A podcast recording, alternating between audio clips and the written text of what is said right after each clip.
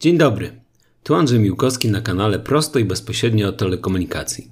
W dzisiejszym podcaście chciałbym skomentować najświeższe informacje na temat nowego systemu operacyjnego do telefonów, które dziś używają systemu Android.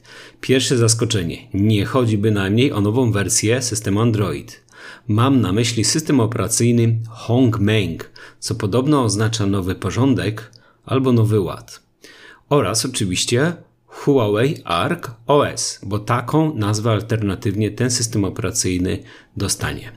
Tak, to się dzieje naprawdę. Huawei w maju 2019 roku złożył wnioski patentowe o ochronę nazwy własnej nowego systemu operacyjnego w Europie jako ARC, a w Chinach, Korei, Kanadzie Południowej, Nowej Zelandii, Kambodży i wielu innych y, krajach jako Hongmeng.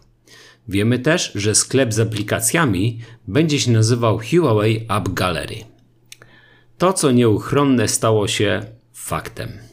Osoby, które interesują się gospodarką, zapewne zauważyły, że w pierwszej połowie tego roku prezydent Trump rozpoczął bezpośrednią walkę gospodarczą z Chinami, między innymi poprzez zakaz sprzedaży chińskim firmom komponentów elektronicznych oraz strategicznego oprogramowania, co oznacza w praktyce, że amerykańskie firmy typu Intel, Qualcomm, Google, Apple dostały zakaz sprzedawania technologii firmy, firmom konkurencyjnym technologicznym chińskom.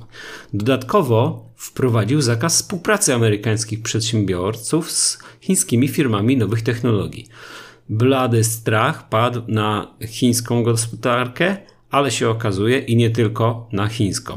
W momencie wydania tych dekretów Google podjął decyzję o wstrzymaniu rozwoju systemu Android na telefony chińskich firm, m.in. Huawei, Oppo, ZTE itd., tak itd. Tak I na miliony użytkowników telefonów, zwłaszcza Huawei, który był jednym z liderów sprzedaży telefonów typu smartfon na świecie, a zwłaszcza tych droższych telefonów z rodziny P10, P20, P30 oraz Honor, padł po prostu blady strach. Wszyscy się przestraszyli. Dodatkowo oczywiście fake newsy mówiło o całkowitym zablokowaniu telefonów. Ta decyzja Google'a moim zdaniem pochopna zaszkodziła reputacji obu firm. Użytkownicy systemów Android przestraszyli się, że Google na Huawei przestanie działać i stracą wszystkie swoje aplikacje oraz że ich telefony sta staną się bezużyteczne. W praktyce jednak Google zapowiedział, że będzie utrzymywał ten system operacyjny y, na Huawei, jedynie nie będzie wydawał nowych aktualizacji i pozwalał na instalowanie na nowych telefonach.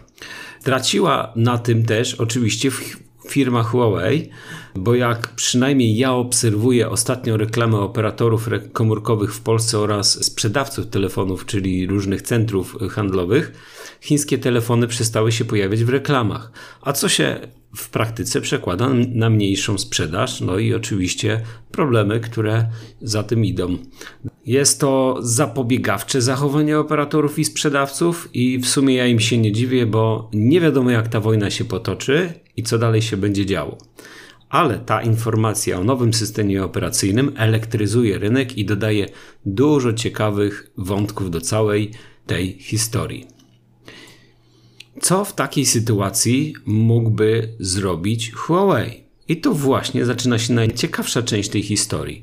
Współpracowałem z firmą Huawei przez wiele lat i jedna rzecz, której się nauczyłem, to to, że jeżeli ten gigant podejmie decyzję, że chce osiągnąć jakiś cel, technologiczny cel, to go oczywiście osiąga. Ma do tego ogromne możliwości techniczne, zasoby osobowe, czyli dziesiątki tysięcy inżynierów, potężną wiedzę, którą zdobył przez kilkanaście lat działania jako dostawca urządzeń telekomunikacyjnych, a także pokaźne zasoby finansowe. To brzmi jak przepis na sukces i wiele razy to Huawei już pokazał. Przykładem może być chociażby sprzedaż telefonów Huawei typu P30 i Honor, która y, od wielu lat rozwija się A ja jeszcze, jak dziś pamiętam, kiedy byłem jednym z pierwszych użytkowników po stronie zaplecza technicznego operatora, który odważył się telefonu Huawei dotknąć i używać go na co dzień.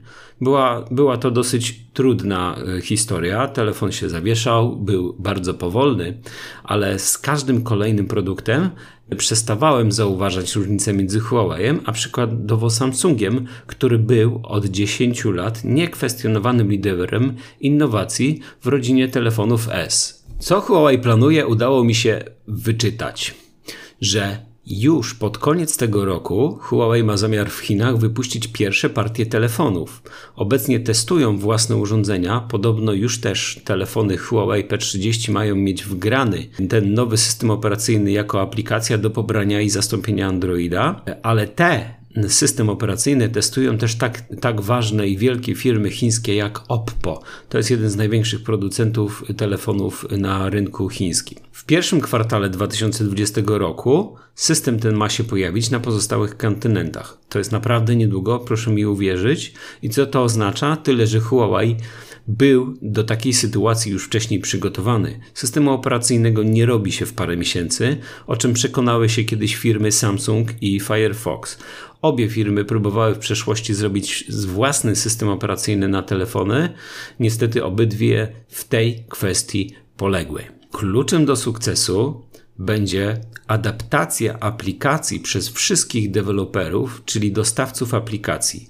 Nie wyobrażamy sobie przecież, że kupujemy nowy telefon z fantastycznym aparatem i pięknym ekranem, ale nie możemy na niego zainstalować przykładowo Facebooka, Whatsappa, Janosika, prawda?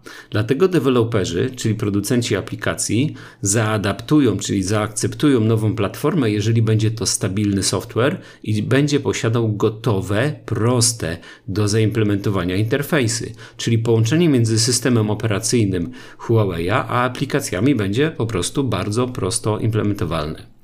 Dla mnie dodatkowym pytaniem jest właśnie, jak Huawei nakłoni amerykańskie firmy jak Facebook, WhatsApp i Google do zaadaptowania ich systemu y, operacyjnego i do używania ich y, na telefonach chińskich.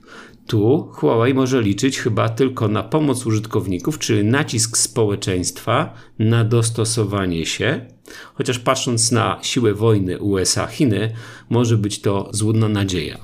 Zobaczymy, jak to wszystko się rozwinie na rynku chińskim, bo to chyba jest to miejsce, w którym Huawei ma szansę zbudować potęgę tego systemu operacyjnego bo nie wiem, czy zdajecie sobie sprawę, ale dzisiaj kupując telefon z systemem Android w Chinach, nie rejestrujemy telefonu na konto gmailowe, tak jak to jest przy, w przypadku Europy, USA i pozostałych części świata.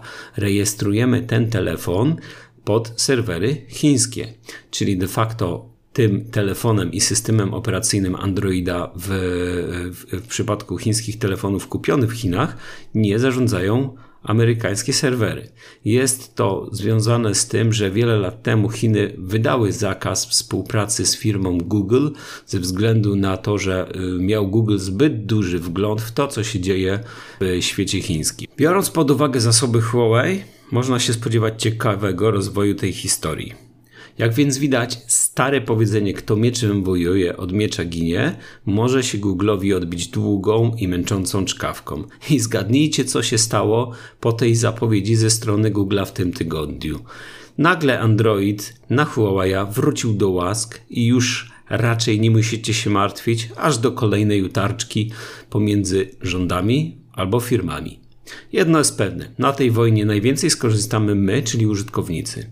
Ja przewiduję, że firma Huawei będzie musiała nas zachęcić do użytkowania nowego systemu operacyjnego oraz swoich chińskich produktów, które w momencie, kiedy Android jest mniej atrakcyjny dla nich jako producenta, będzie dodatkowo przez Huawei premiowany i Huawei będzie nas próbował namówić do korzystania z ich nowych rozwiązań. Być może będą to jakieś promocje, być może nowsze y, telefony będą tańsze. Zobaczymy, co pokaże przyszłość. Wrócę do tego wątku z pewnością i coś czuję, że już niedługo. Jeżeli podobał się Wam ten odcinek, chciałbym zachęcić Was do częstszego słuchania mojego podcastu. Jeżeli macie jakieś pytania, propozycje tematów lub dręczą Was jakieś kontrowersje związane z usługami telekomunikacyjnymi, a szczególnie usługami operatorów mobilnych, zachęcam do słuchania moich kolejnych podcastów. Dziękuję serdecznie za wysłuchanie i pozdrawiam z podcastu prosto i bezpośrednio o telekomunikacji.